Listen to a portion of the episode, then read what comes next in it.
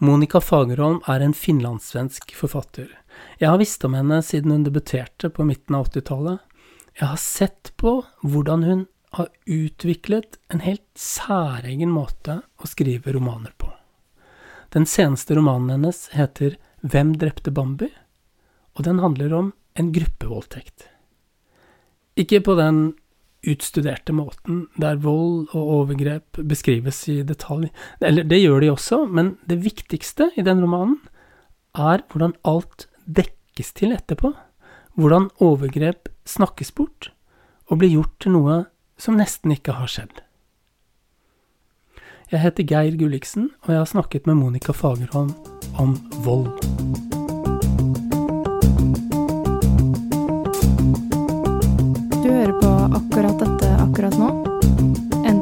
Podkast om litteratur med Geir Gulliksen. Hei, Monica. Hei, Geir. Du, eh, det er fint å møte deg på denne måten. Du befinner deg nå eh, i hjemme, vel? Nei, på ditt kontor i Ekenes Ja. i Finland. ja.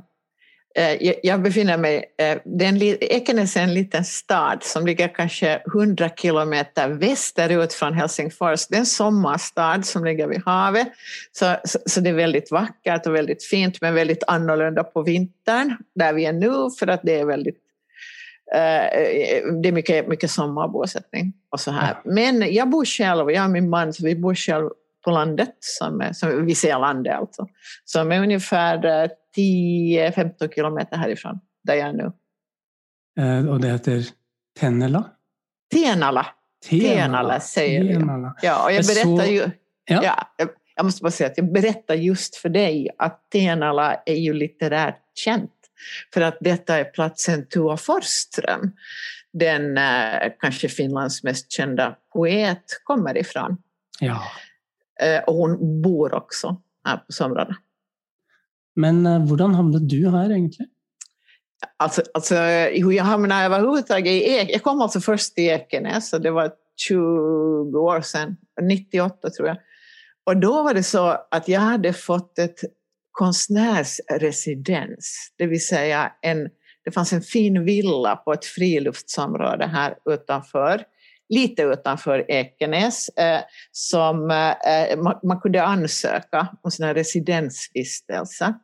Och då ansökte jag och så beviljades jag då eh, denna, denna vistelse och den var tre år. Och, men under denna tid som jag bodde, det heter, det heter Villa Snäcksund, det är ett väldigt vackert också. Under denna tid så träffade jag min blivande man som jobbade som vaktmästare i ett Ja. litet eh, rött hus nedanför Villa Snäcksund. Och då eh, beslöt vi, eh, när tiden var, när- när jag skulle då lämna det här så började jag fundera på att vad ska vi göra nu? Och då beslöt vi oss för att vi köper en tomt på landet. Min man, alltså Hilding heter han, min man, eh, han är ju inte alls intellektuell eller litterär, han bygger hus, han är snickare. Nå, Så, så, så han, han byggde vårt hus. ja, så bra. Så, så, och 2005 flyttade vi dit. Men Ja. jag kommer ju från Helsingfors ursprungligen. Ikke sant? Alltså, ja, och jag har vuxit upp i... Alltså, och, och jag hade aldrig varit i, i Ekenäs, som är en riktig småstad, eh, innan, eller någon gång på någon utflykt med mamma och pappa. Där, 28 år gammal, va? en helg eller något sånt. Men jag hade ingen aning om det här eh, när jag kom hit. Så det var ganska mycket eh, akklimatisering, anpassning. Jag har skrivit om det i min bok eh, Lola upp och ner, som också har kommit på, på norska, som Mm. lite handlar om den lilla staden ur olika synvinklar. Men du, eh, vi har satt en overskrift på denne samtalen som er vold. Ja, Eh, og du skriver faktisk eh, ganske mye om vold, og, og, og ganske mye om eh, hva ja, ulike voldshendelser Jeg er litt redd for å bruke det ordet, av grunner vi skal komme, komme tilbake til. Hvordan det Ja. virker inn på et lite samfunn. Og, Ja. i, det, og i denne eh, din nyeste roman som vi skal snakke om, 'Hvem drepte Bambi', så er det altså en eh, en gruppevoldtekt Ja. i et ganske lite sted som kalles for Villabyen. Mm. Mm. så förstår du.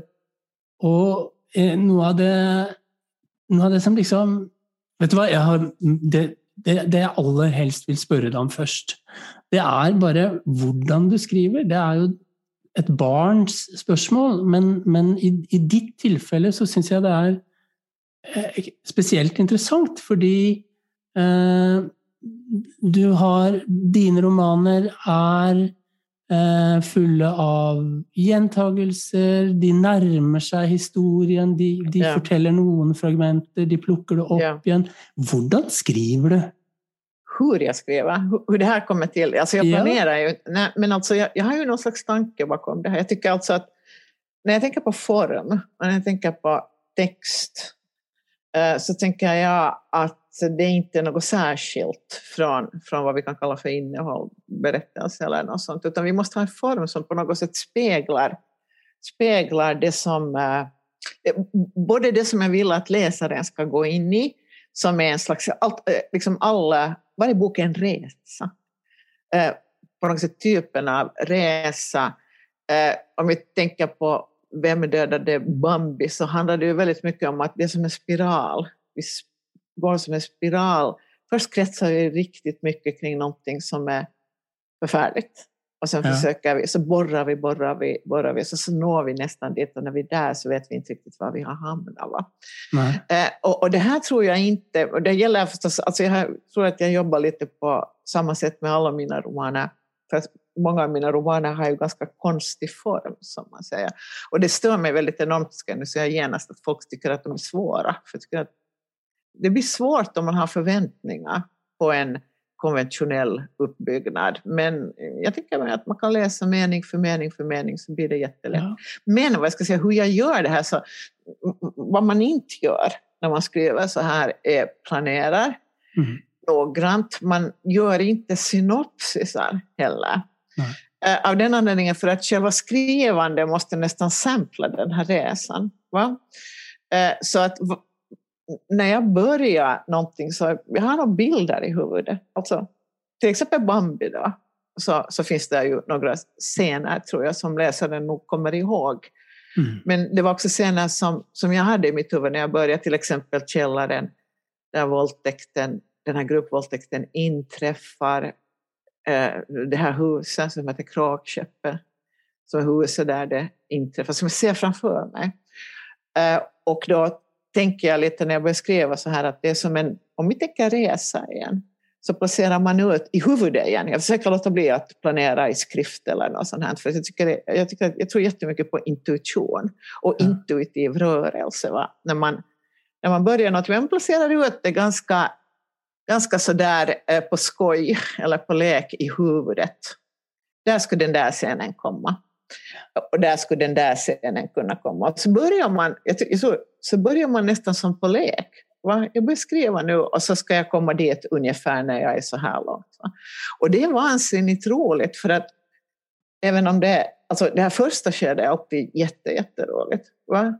Eh, för att då, då är det ju bara, då skriver man och skriver man och plötsligt så nystar det upp sig någon slags historia och plötsligt eh, man man liksom framkallar en värld skrivande. Och, och plötsligt börjar man fatta what's it all about. Eh, men, men, men, men jag tänkte på det här, liksom att, att det här, när jag läser, om jag läser böcker som jag tycker är bra, så gillar jag just den här typens överraskning. Jag, jag vet, alltså över, jag menar, inte en thrilleröverraskning som ofta är någon slags vändpunkt i skeende, för att de där börjar man ju känna igen redan. Men, men utan en överraskning i resan som kan... Eh, eh, eh och, och- då kan man på något sätt jämföra det men du vet ju också, för du skriver ju själv. Va? Alltså att, att du skriver tills du plötsligt skriver det som du inte visste att du visste. Va? Och, Mm. och det blir liksom en slags insikt som leder vidare. Va? Mm. Är det så? Tycker du? Ja, ja, det høres jo riktig ut, og det høres spesielt riktig ut i ditt tilfelle, tenker jeg. Hvor, eh, men, men likevel så tenker altså du har, du har noen bilder, eh, og så har du en plan, en slags, en uklar plan, da. En slags eh, Ja. Alltså, en, Men, en, en, men du noterer ikke, verk- eller? Väldigt lite. Alltså, alltså det är sånt att fånga i vinden. Jag tror jättemycket på, på, på flashar.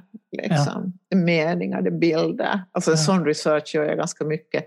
inom. Jag litar också på att när man är inne i en process, jag brukar tidsbestämma den här processen faktiskt.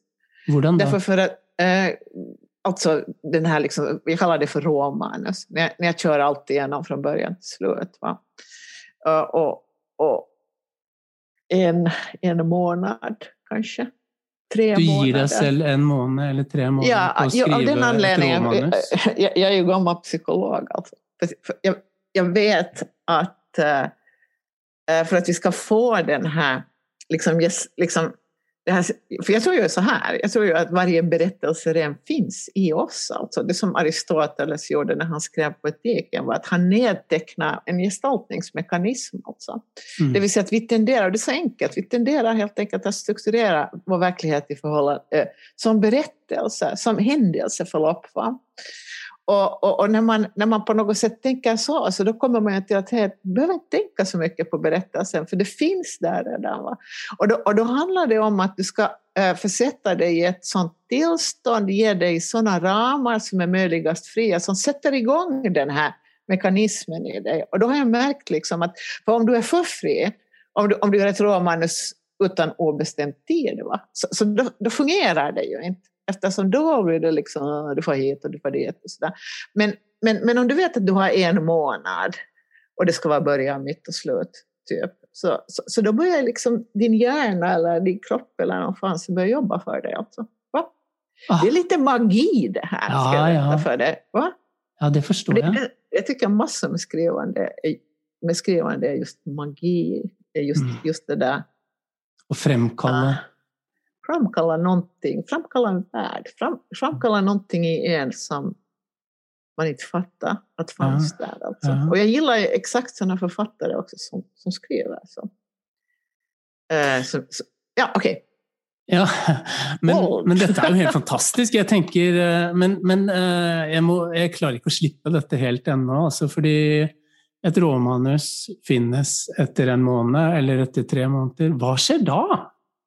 Hva gjør du? Då, då, bör- då börjar ju liksom knäget så att säga. Då börjar du bearbeta. Och jag, alltså jag är undervisare, jag har ju min egen skrivskola eh, som heter Monikas hemliga skrivskola. Va? Jag jobbar mycket, jag jobbar med många författare både i Sverige och i Finland. Men eh, eh, så att jag, jag har liksom på något sätt hamnat och tänka och översätta den här processen då på ett begripligt sätt. Det vill säga då följer det någon slags bearbetning som jag tänker att ha två, två skeden. Och det första är vad man kallar för en intuitiv bearbetning som jag brukar kalla för blåsa upp ballongen. Det vill säga att man går in, man, skrivande undersöker det som man har gjort. Och som vi vet, råmanus är ofta ganska lus- lustfyllt. Det, är fullt av ambivalenser. Eh, Det kan också finnas tomt där. Och, och, och då handlar blåsa upp ballongen att man, man blir liksom en jazzmusiker. Mm. Eh, Du går in på de här ställena och improviserar. Va?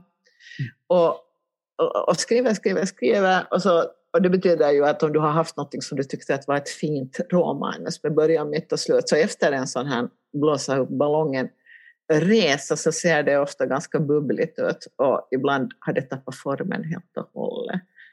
Eh, Men, men, eh, men, men det är jättetryggt alltså att veta då att då har du alltid det där alltså du har, det finns där alltså, skelett eller vad man kan kalla det. Okej, men sen, och sen börjar vi på skede tre och, då det, och det är en väldigt medveten bearbetning som handlar om att det ska vara exakt. Och, och om jag tänker på att, igen på det där, för, alltså, eh, jag tror att när man skriver måste man ge 100 procent i varje skede. Men en, sak som man en annan sak som man också måste fatta är att vi kan inte vara rationella och irrationella på samma gång. Va?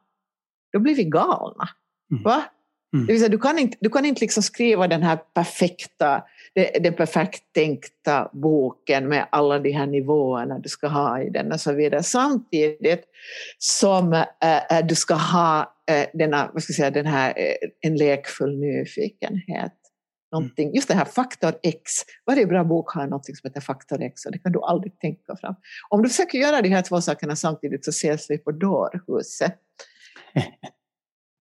Det Men faktor X, faktor X i denne romanen, kan du rett og slett si hva det, hva det ble i denne romanen? Eh, det, det är inte riktigt översättbart. Men Nej. jag kan säga att det är en stämning. Det är en och, och, och denna stämning är kanske översättbar i en världsbild. Och det är bilden, det är denna, denna lilla villastad.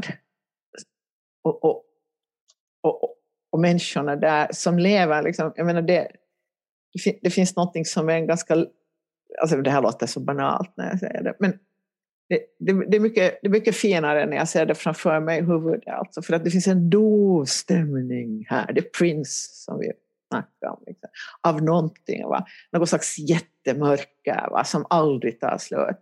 Och så finns det en, en, en yta sådär som vi vet att ytor är. Uh, eh, things are, saker funktionerar så länge de funktionerar för att vi lever hela tiden nära någon slags enorm explosion eller urladdning. Det tycker jag, något sånt. Det är det.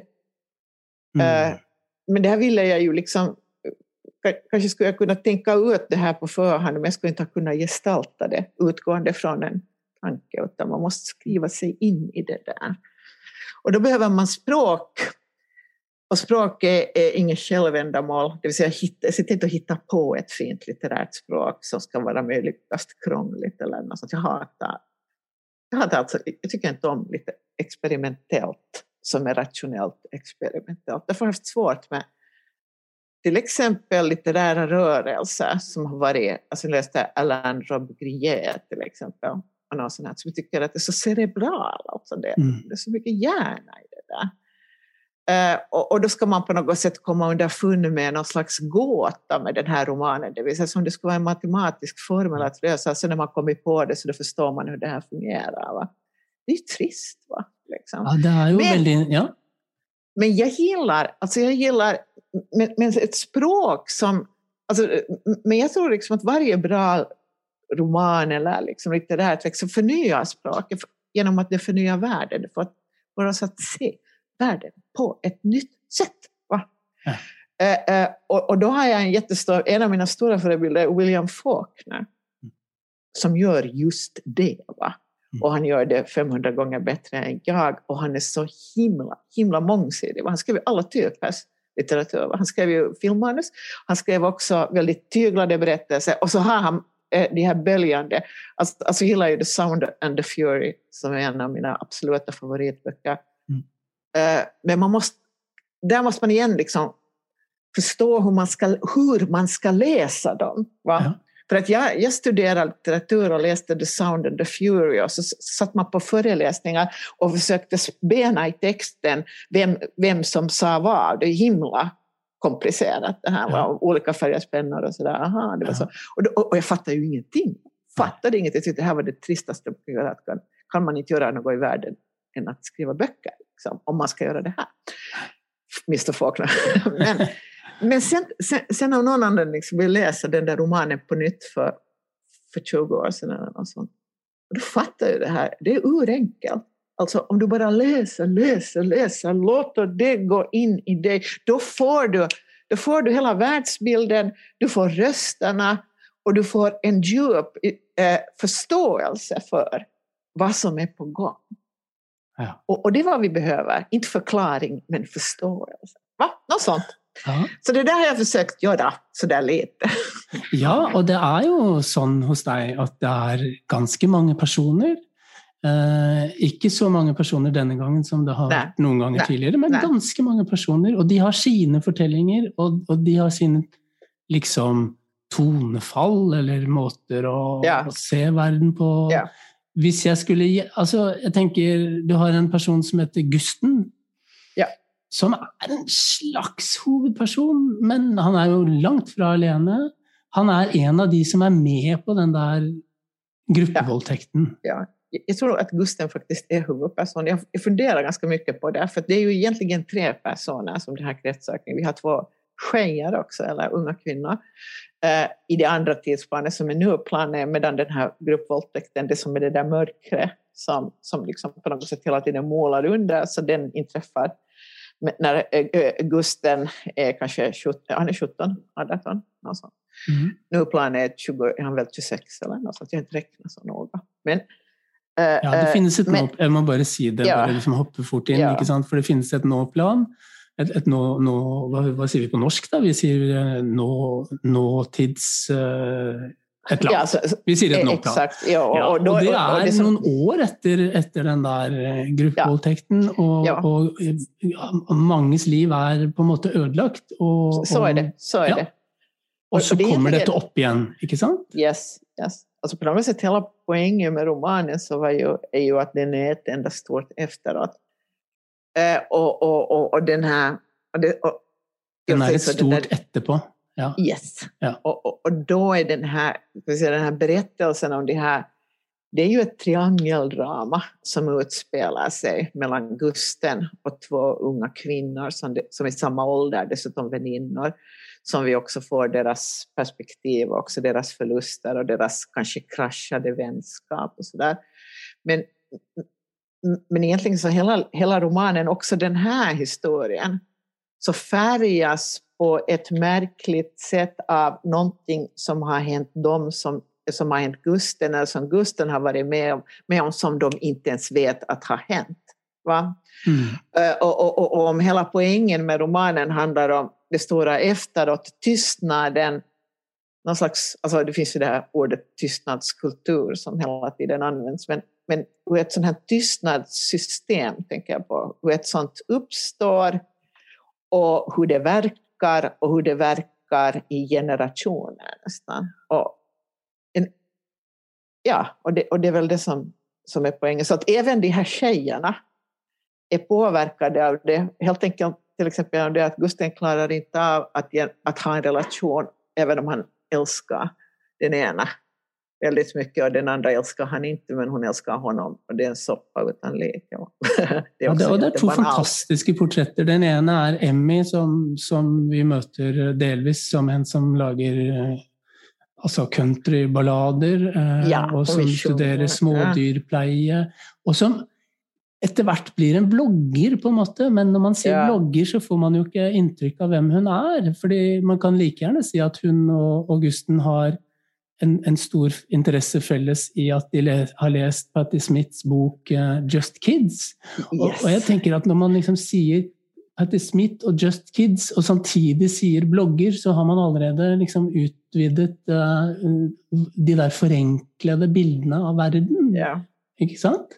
Og den ja. andre er Sagalill. Jeg må bare prate litt eh, i munnen på deg for å bare få mm, Ikke sant? Eh, og hun Jeg lurer på om Sagalill også er en slags forteller i denne romanen. Er det Eller det føles nei. litt sånn, men nei. Eh, eh, det, det føles av den anledningen så känns det så, för att hennes berättelse är skriven i jag, jag Mm. form. Mm. Och det, och det gjorde jag därför för att eh, jag ville att, alltså du, om du skriver något i jag-form så kommer läsaren väldigt nära, nära någon. Men den som berä, jag, tror att vi har någon fågel som, som berättar det här uppifrån, som försöker se, se det hela. Att, att det är en sån berättare. Men jag har fått den där frågan, ja. Men, men det beror väl antagligen på, på Saga Lill, är jag. Det er sikkert derfor, og så er det også et eller annet med at vi er vant til å lete etter for, for fortellere. Jag, jag, jag, tror, jag tror att vi... är det, ja. Men hon kommer, Ja. ganska se, hon kommer egentligen ganska sent in i, berättar, i berättelsen. mm. Eh, Men du, jeg, jeg vil bare gå til det der med volden. eh, og det der med de, Det er fire unge menn som, som begår denne gruppevoldtekten. Og to av dem er vi veldig tett på. Det er Gusten og det er Nathan. mm, og, og, og så er det også sånn at offeret kommer jo veldig sent inn i denne romanen. Veldig interessant, syns jeg. Eh, Mm. Og hun kommer ikke inn kommer ikke inn så mye. Det er på en måte ikke et Nei. portrett Nei. av et offer. Eller? Det finns, det finns egentligen ganska många orsaker till det. Jag, har ju, alltså, jag ska säga så här, jag har skrivit på, jag skrev på den här romanen fem år kanske. Eh, och, det, och den blev klar då 2019, vilket då betyder att metoo kom in hösten 2017.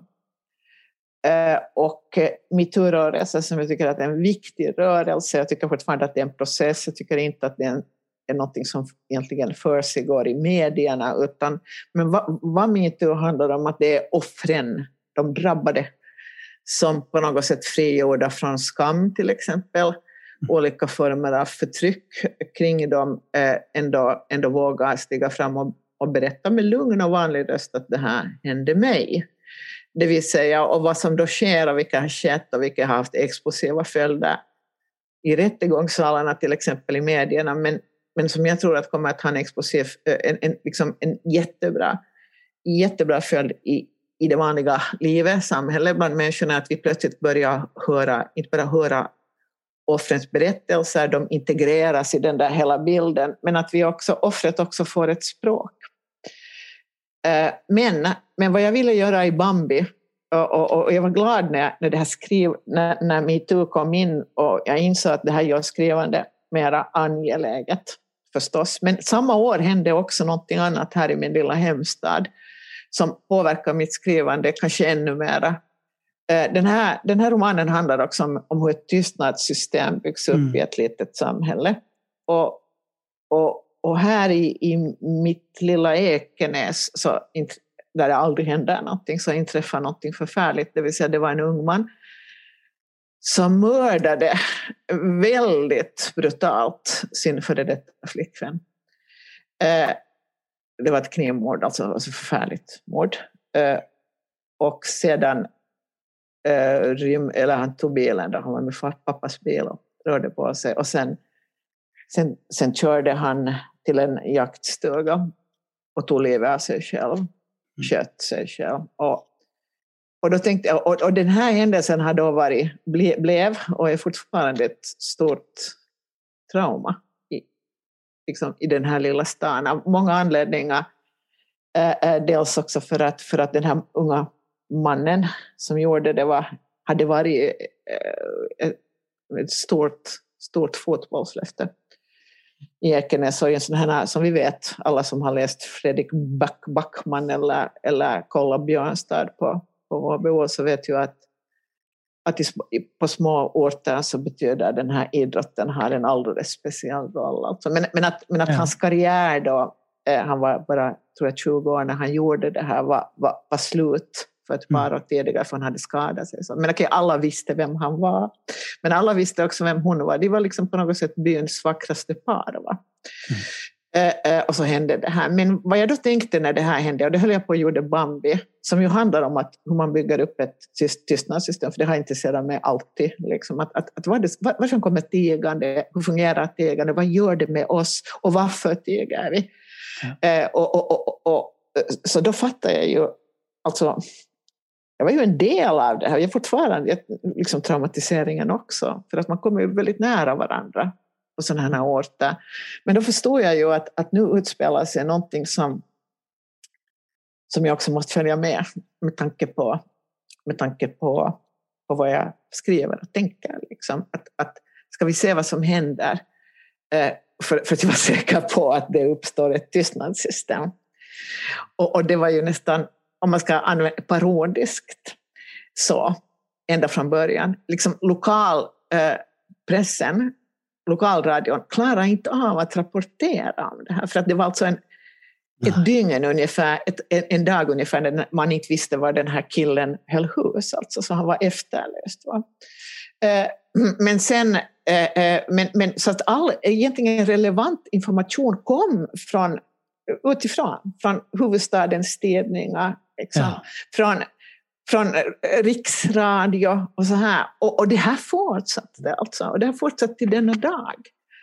Uh, och, och, och i och för sig så har man ju, det är samma som liksom att om jag, och, och, och, det här är ju, inte, jag ska inte tala för mycket om det här, men det här påverkar ju då mitt skrivande väldigt mycket. Ja. För, att, för att just när man pratar om det här, och det har jag också försökt liksom, när, när jag tänker på Bambi, alltså vill jag vara allt annat än programmatisk i ett sånt här system finns det kanske bad guys och good guys och så här, men det it's hardly the question, det, det är knappast frågan, utan frågan är va, hur liksom det här systemet liksom, hur det fungerar och varför vi, och varför vi fortsätter tiga liksom, när vi inte ja. behöver tiga. Och sen så är det en, en sak som jag, som jag själv också, eftersom jag har deltagit ganska mycket i diskussioner om, om, om den här typens våld också, också innan, alltså våld mot kvinnor, sexuellt våld och så här, som man ofta säger, alltså att vi måste prata om det. Ja. Till exempel jag tycker Finland då, som har så att vi har den högsta eh, statistiken på domestikt våld, alltså våld i hemmet, men ingen snackar om det i det här landet. Mm. Eller det snackas väldigt lite om det. Men, men då, då är det ju lätt att säga, som jag också brukar säga, det är jättelätt att säga att vi måste prata om det. Mm. Men frågan är, vad ska vi prata om och hur ska vi prata om det? Okej, men nu har jag pratat för mycket igen. Nej, nej, nej. Vi- Det blir jo- det jo- himla föredrag Nej, det är fantastiskt det du Nej. sier. Vet du. Jeg, Ja. jeg ville gå videre på det med å, å Yes. om Gusten, fordi han forsøker jo Så liksom er det. å finne Så er det. et språk for å snakke om Det, hva det, det han är har exakt gjort. vad han försöker göra. ja. Alltså, alltså, grejen, är- grejen med Gusten är det att han, han vet inte vad han gör. För, för vad han gör alltså är det, han, tror han, tror, eh, han har varit med om denna gruppvåldtäkt, eh, även om eh, liksom, han har blivit meddragen, men han har, dess, han har varit med alltså. Så när han vaknar upp i garderoben hemma hos Nathan följande morgon så fattar han precis vad som har hänt. Och då tror han, eh, småningom några dagar senare, att allt att då går man till polisen. Ja. Han har fotografier också. För, för, att, för att han förstår ju att det är fel. Han förstår ju att, att så här får det inte vara. Och, och, så där. Och, så, och, och då gör han det.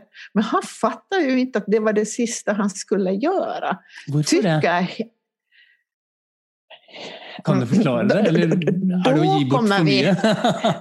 Ja, jag, tror, jag tror ärligt talat att folk får läsa den, men Ja. jag vill också säga att den här, jag placerar den här, jag, eh, det finns, eh, vad, eh, det finns Villastan, eh, Mm. en väldigt, på sätt och vis en speciell förstad. Och jag, det vill säga här finns mycket resurser. Det vill säga folk är rika, förmögna, förmögna Mm. men folk har också makt. Alltså. Det här bor människor med samhällsmakt. Ja, det Eh, og finnes, det den, ene, den ene moren her eh, leder en, eh, en ganske mamma. en, en, en tenketank. En, en, Ja, ja. en- ja Think tank. eksempel. Ja. Sån här ultraliberal. Eh, gain hand, Ayn Rand som vi vet vad. En Ja. sån, en sån tanke. Men som är väldigt... Påvirket väldigt av, av Ayn Rand, ja. Ja. Yes, yes. Men, ja, men den är väldigt inflytelserik i samhället. Väldigt en av, okej. Men, eh, men, men orsaken till att jag placerade eh, eh, händelserna i en sån här miljö var det att, att, det där att om, om man ska upprätta ett stigande system så finns här då resurser till det. Det Mm. vill säga vi har pengar, men vi har också saker som står på spel. Mm. Eh, en sån här historia kan förstöra ett helt samhälle. Vi pratar om rykte, vi pratar om anseende, vi pratar om eh, allt möjligt sånt som man faktiskt kanske inte alls går sönder. Men, innan, men när jag höll på och skrev den här boken så jag har läst ganska mycket om, om, om sådana här fall. Då, men eh, någonting liknande är ju de här förtigda sex, sexualbrotten som har inträffat på, på amerikanska privatskolor. Mm. Där, där man systematiskt börjar tiga det för att schools go down på det här. Va? Eh, så, så, att, så att det är det som står på spel. Men sen är det ju också det eh, att eh, hela, hela det lilla samhället är ett nätverk av folk som står i förbindelse med varandra. Och alla dessa förbindelser är viktiga. Alltså det är allt från personliga relationer, jag tänker på Natans mamma, som är denna think tank-ledare, men också Gustens mamma som är en berömd operasångerska, eller åtminstone en smal krets berömd operasångerska, som Ja, tror sägs... Experimentell eller Ja, eh, ja, ja, ja. avantgarde-aktig operasanger. Ja, Ja. Men hon tror sig stå för humanismen och den fina konsten. Mm. Men äh, äh, även hon visar sig vara en varg i fårakläder. Det vill De vil säga, beskytte guttene sine. de vill eller- beskydda sina pojkar, de vill beskydda sitt samhälle, de vill beskydda sitt bygge. Men sen så tror jag också att så mycket av det här tigande sker på automatik. Mm. Det är någonting med sexuellt våld va? som gör att vi uppfattar det som sex och inte som våld. Va? Privatsaker. Va? Mm. Eh, Men Gustav fattar ju ingenting av det här. Han fattar ju bara att han blir ensam. Alltså. Ja. Vilket, vilket i, och, och, och, och fullständigt utan jag vilket för honom resulterar i att han hamnar på dårhuset. Men mera ska vi inte berätta.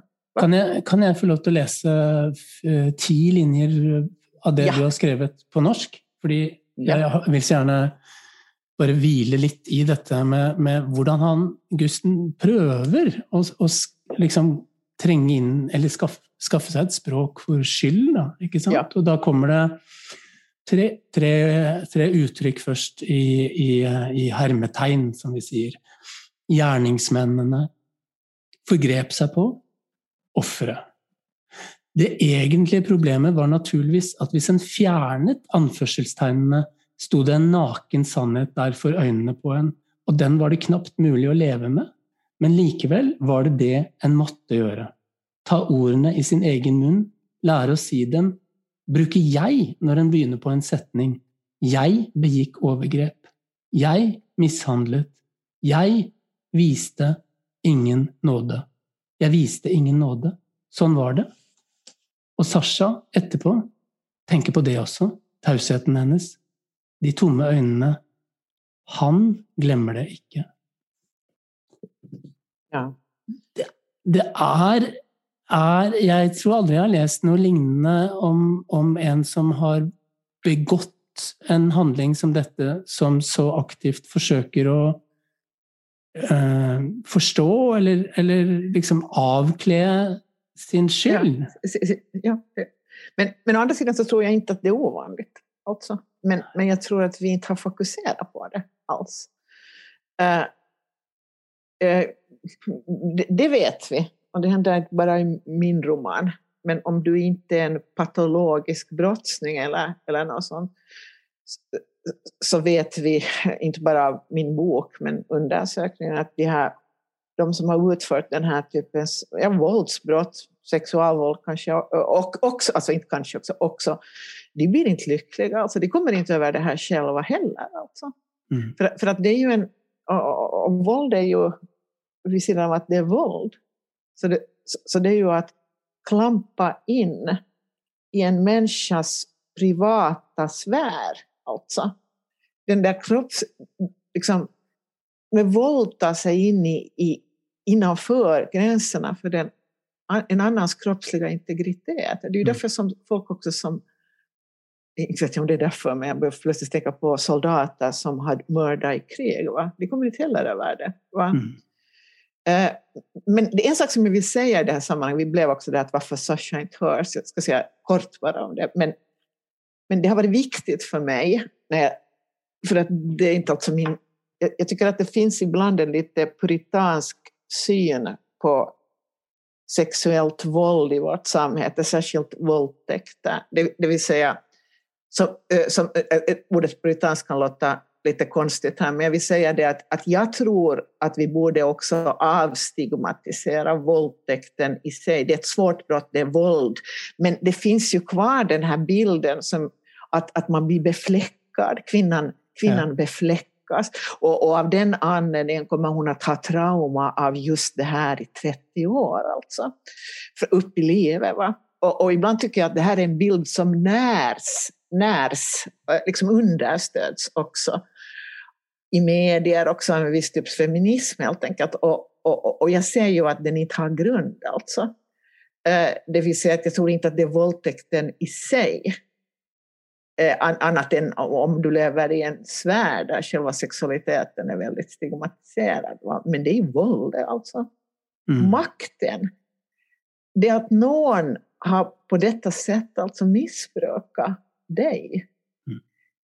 Eh, Okej, okay. och, och det är ju återkalleligt. Men, men nu ska jag säga alldeles kort bara varför Sasha inte hörs, för det var där vi blev. Det vill säga att vad jag ville i den här boken teckna var en bild eh, som är alldeles konkret. Alltså vi har villastaden, vi har olika personer av, eh, som ett, lite som ett sceneri eller liksom någon slags teater där det finns många olika aktörer som är med i tystnadssystemet, är med i detta efteråt. Och, det är ju alldeles, och, och, och om bilden ska vara realistisk, eh, för att vi lever inte ännu i ett metoo-samhälle, alltså, så är det ju bilden sån att offret har trängts väldigt långt åt sidan. Hon finns Mm. inte med i bilden, alltså, eller hen finns sällan med i bilden som en egen röst. Va?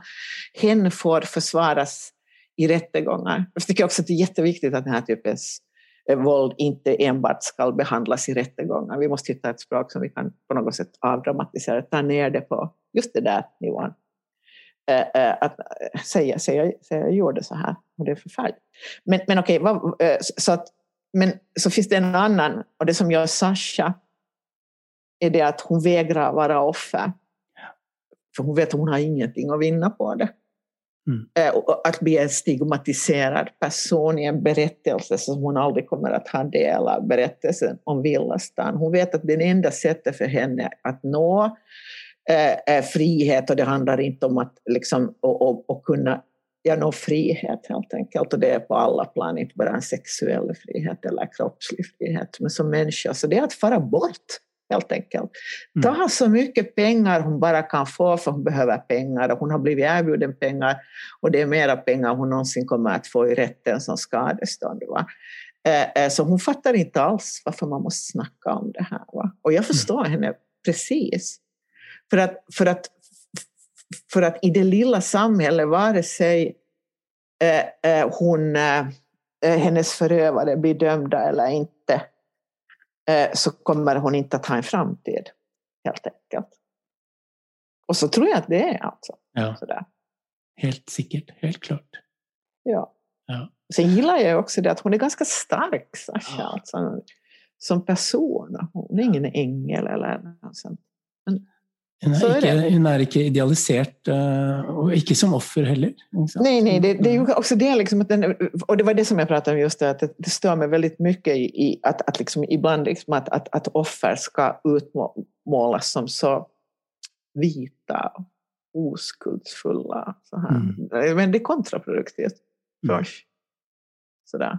Mm. Du, det är också gärna... en roll man ska spela i en föreställning som egentligen är till för andra. Va? Ja. ja. ja. Jeg spurte deg om På forhånd så spurte jeg deg om du ville trekke frem én bok som hadde hatt betydning under skrivingen, og så sa du at du egentlig ikke visste eh, om noen. Men, men du pekte på uh, en sang eller et album, uh, eller begge deler, uh, nemlig Prince. Mm. 'Sign of the Times'. Hva, hva, det, det tror jag jag kan förstå när jag läser romanen, men, men ja. hur var det? Va, va... Det, det, här, det här är ganska... Alltså jag, jag ville säga också då när vi pratade tidigare att hur jag skriver, det som är viktigt för mig är, är, är överhuvudtaget liksom ton och melodi i meningar. Det vill säga rytmen är betydelse eh, och ton och melodi är, är betydelse. Och jag menar det på riktigt så att musiken når mycket längre i oss än orden. Så är det bara. Va? Och jag ville ha ett sånt skrivande. Och det är det som fåknar här också, att det är musik och därför slipper vi inte ifrån det. Då vill jag ha det. Men okej, okay. Eh, eh, och då var det så att jag är ju eh, ganska gammal nu, jag fyller 60 nästa vecka, men att i slutet av 80-talet tror jag att det var som, som, som den här låten Sign of the mm. Time mm. kom. Jag älskar ju Prince, jag har alltid älskat Prince för att han har Alltså, det, det är liksom ljudvärlden, det, eller liksom, det är stämningar. Liksom, the Doves Cry, när första gången hörde When the Doves Cry, så tänkte jag, hur är det möjligt att, att, att göra så här? Liksom, att det för mig någon helt annanstans. Jag har inte varit med i sådana här tillstånd tidigare. Och det är ju det som riktigt bra musik gör. Men när jag såg, och jag såg det som video, det var väl någon Music TV, eller vad fan det hette på den tiden, en plötsligt liksom en, en, en svartvit video. Det här samplar ju eh, Bob Dylans eh, en sång som han gjorde, nu vet när han står med det där blocket i handen och kastar, kastar liksom ord. Och, och, och det här är ju på samma sätt att, att, att, men, alltså att vi har bara vi har text som är skriven på en gammal skrivmaskin. Så. Och så kommer det, det här du, du, du, du, som det börjar. Alltså, och sen plötsligt så kommer den här. Ja, ja, alltså det är magiskt. Och då tänkte jag, att vad är detta? Jag hade inte skrivit en, jag tror, jag, hade, jag tror att jag hade skrivit min första bok då, men att jag var verkligen inte författare på den tiden. Men jag att det här, det här är otroligt, det här vill jag någon gång skriva om, jag måste skriva om det här. Och då var det så att när jag började äh, skriva de här första scenerna om Nathan och Gusten, för att det var egentligen det som kom först. Av någon anledning kom, kom det här vattendraget, alltså två killar eh, som, som står liksom igen vid randen. Jag har ganska mycket vattendrag i mina böcker eh, av, en, av en stilla sjö. Och det finns igen någon sorts konstigt hot. Och så finns det här konstiga huset som heter Kråkskäppet, som är modern arkitektur. Jag älskar arkitektur utan att jag vet varför. Jag kan inte om arkitektur, men det påverkar mig som sångare. Alltså. Men mm. okej, okay. och, och, och då tänkte jag, men fan, det är det här. Här, här är Nathan och börjar den där sången höras. Va? Det är han. Och plötsligt såg jag honom. Jag så, och, och, och det blir ju hans sång liksom, i den här eh, uh, åken också. För att det, tillståndet är också liksom ett tillstånd av... Uh, alltså han, han, är drag, han är ju neddragad, nedknackad, åtminstone vad det leder i boken. Uh, han är oftast helt utspelad. Han ligger liksom avslocknad på ett golv. Liksom, eller så dansar han helt i sina egna världar. Men det är alltid det här. Och det, och det är liksom ett, ett sånt tillstånd det finns något jätte, jätte liksom jäckande över det här, som inte mm. bara är mörker. Va? Han är mm. tilldragande, attraktiv, någon slags kraft. Och det finns det i den här sången. Så att den sången börjar jag sen spela. Alltså jag lyssnar inte på musik när jag skriver för att det blir väldigt för, för då går man in i en annan stån för mycket. Liksom. Men att tänka på musik och tänka på melodier på det här viset. Så, så, så, eh, så det var ju den här sången som, som egentligen lösningen för mig till hela den här romanen. Just ja. den Natans historia alltså. Så detta som du hörde då först på slutet av 80-talet och, och tänkte detta må jag... Må, ja, en gång skriva. Men så, här, så här är det att skriva. Så här är, yes. Ja. Eh, så här är det att skriva. Liksom. Ja. Sen stör det mig när jag, när jag lyssnar på sången på nytt, alltså, när jag hade skrivit färdigt Bambi. Så, herregud, vilka banala ord det är den här det, det, är ju liksom aids-epidemin är på mm. gång och det är liksom lite gäng och sådär. Och, och, och, det är ju som liksom en värsta moralitet. Va? Liksom. Mm. Men, men, men det bara fungerar i alla fall. Ja. Och så är det väl kanske något med, med att höra, när man hör på Prince så så vet man inte helt vad man hör. Man vet inte det, det är exakt vad det handlar om. Alltså, det är, är rock, eller funk eller soul, ja. eller om Va, det är, en manlig eller en kvinnlig stämma, eller vad det är. Inte sant? Ja. Det minner om dig. Ja, man vet inte helt vad slags, vad slags roman man läser. Ja, men det är ju sant. Man, ja. Så mycket du skriver om våld och så mycket du skriver om kriminalitet ja. och så mycket om, om mänsklig lidelse så vill man aldrig kunna liksom beskylla dig för att skriva något som ligner på thriller eller krim eller något som helst. Eh, och på alla andra möjliga måter också så, så vet man inte helt vad man läser och, och det är ju ja, det måste jag bara ja, men, få lov att säga. Alltså, Monica. Det, det, det, är jättekul, det är cool att du säger det, men jag tycker nämligen att det där stämmer så på Prince. Man vet inte riktigt vad man hör. Och, och det gäller ju det mesta av hans musik. Va, liksom. och, och, och, och sen också hela den här personan, liksom. Mm. Prince. Vem är Prince? Liksom. Va? Du kunde tänka dig att läsa ett litet utdrag? Ja, jag ska göra det. Vi hade beslutat oss för ett utdrag. Det, blir, ja. det, det, var, kolla, det var två och en halv sida ungefär. Va? Ja, yes. det stämmer. Jag tror inte man tränger att veta väldigt mycket för du läser detta.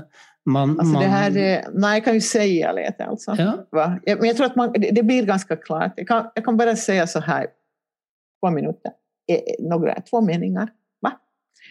Eh, att det här är Gusten efteråt, efter våldtäkten, eh, när han har börjat bli utfryst. Och allt liksom på något sätt krackelerar. Jag läser då.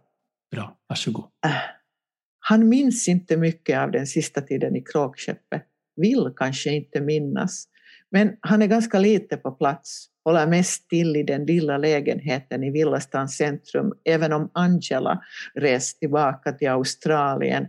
Det går inte att bryta ett engagemang för att en son förhörs av polisen misstänkt för delaktighet i en gruppvåldtäkt. Det vore kontraktsbrott och för sådant får man böta dyrt.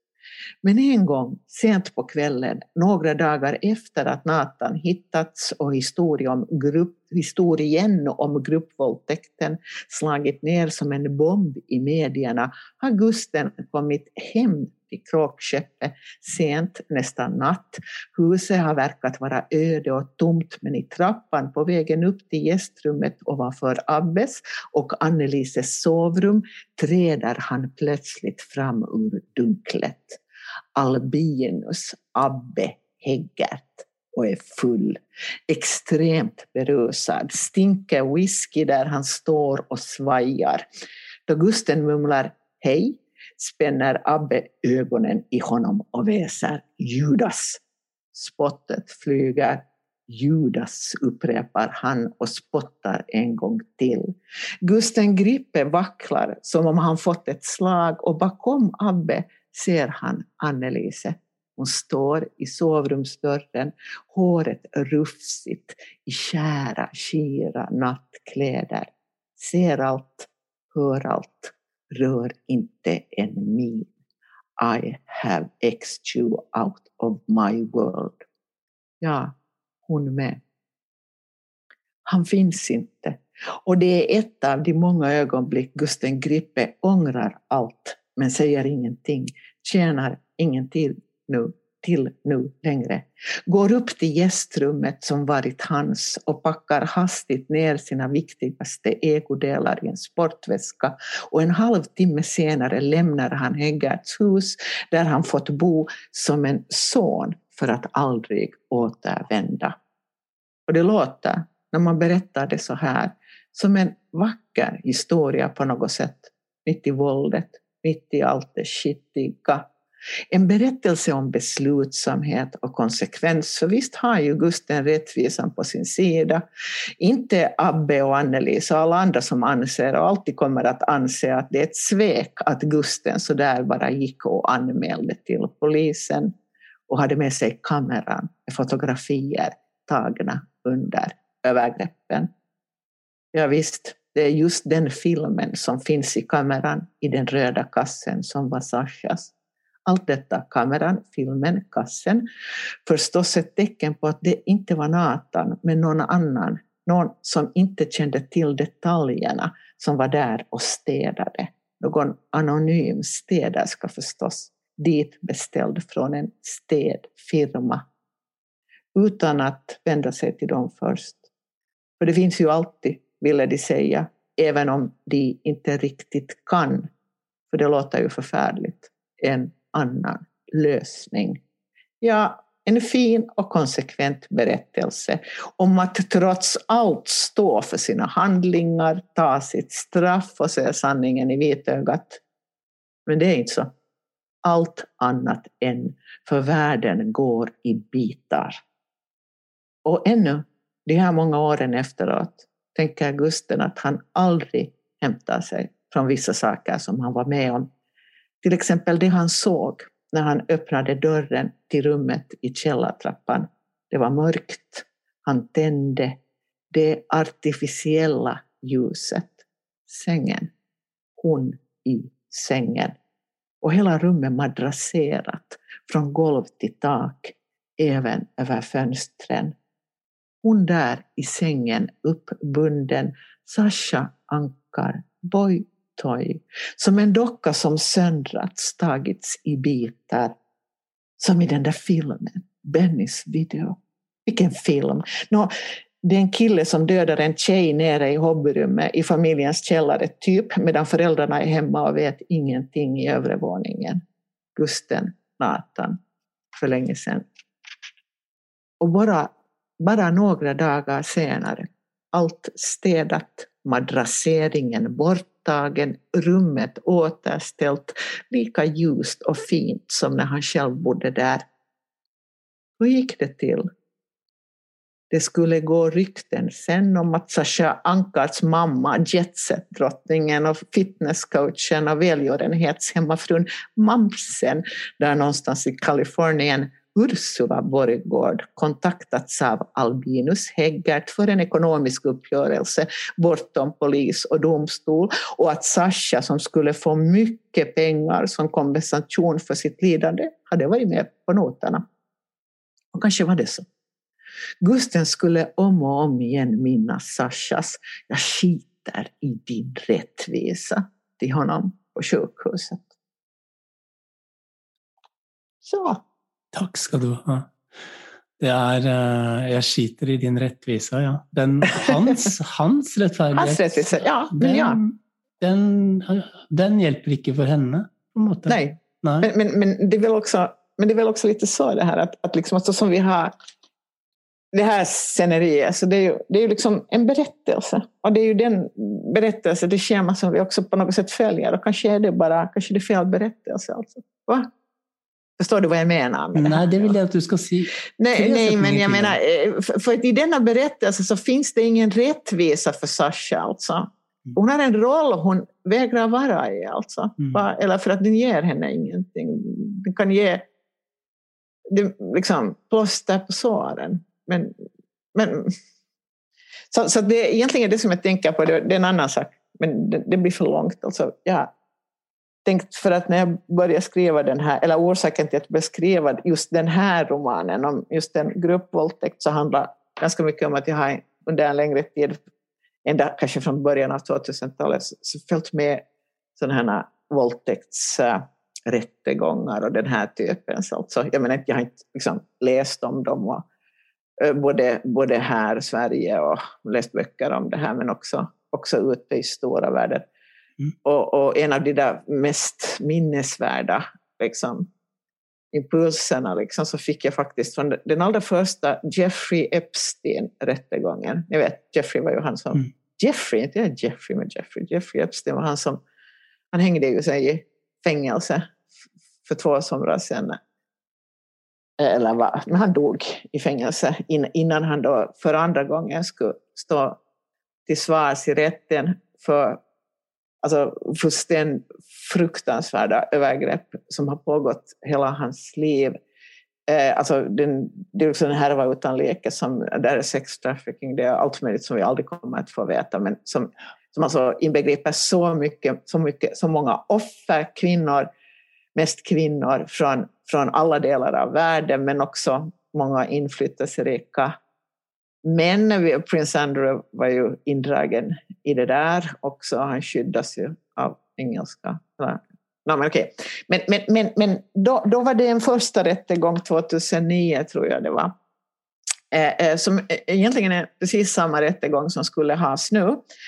Eh, bara med att det hade, var flera kvinnor som hade nu vågade träda fram men det som jag funderar om då, på då, och han blev alltså dömd men han fick ju ett skrattretande straff, alltså mm. ett år tror jag för någonting och han hade dessutom tillstånd att fara med helikopter på jobb varje morgon från fängelse eh, och komma tillbaka då till fängelse på natten. Det vill säga det är ju bara skrattet, han fick inget straff. Så att säga. Men däremot det som hände då var att, att de här offren, eh, som det var tre, fyra kvinnor ungefär, de blev, de blev fullständigt sågade, uthängda i medierna, i medierna förstörda.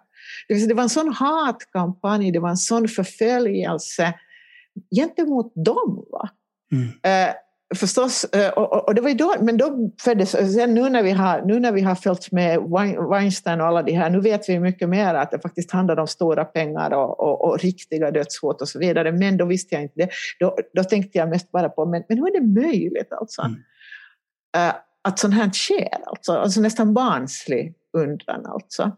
Och, och, och, då tänkte jag också på det här med att, liksom att, att, att, det där, att finns det då om inte rättvisan liksom fungerar, det här tycker jag fortfarande egentligen, liksom, alltså, även om rättvisan skulle fungera bättre, så kan inte de här fallen och de, eh, bara finnas i rätten.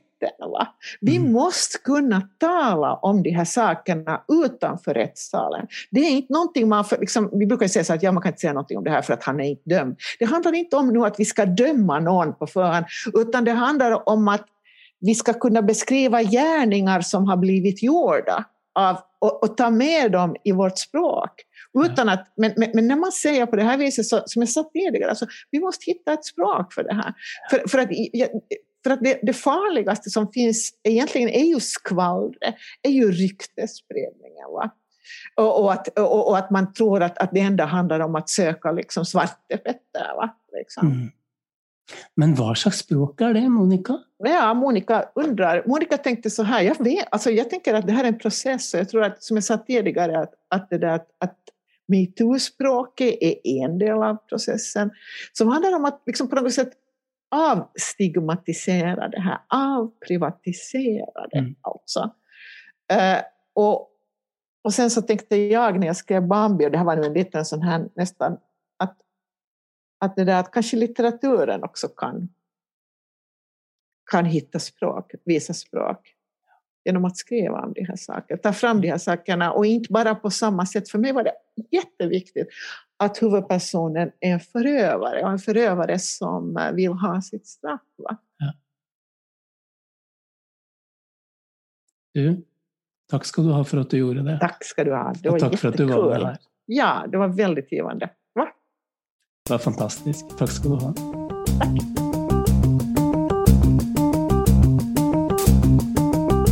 Akkurat dette akkurat nå er en podkast produsert av forlaget Oktober.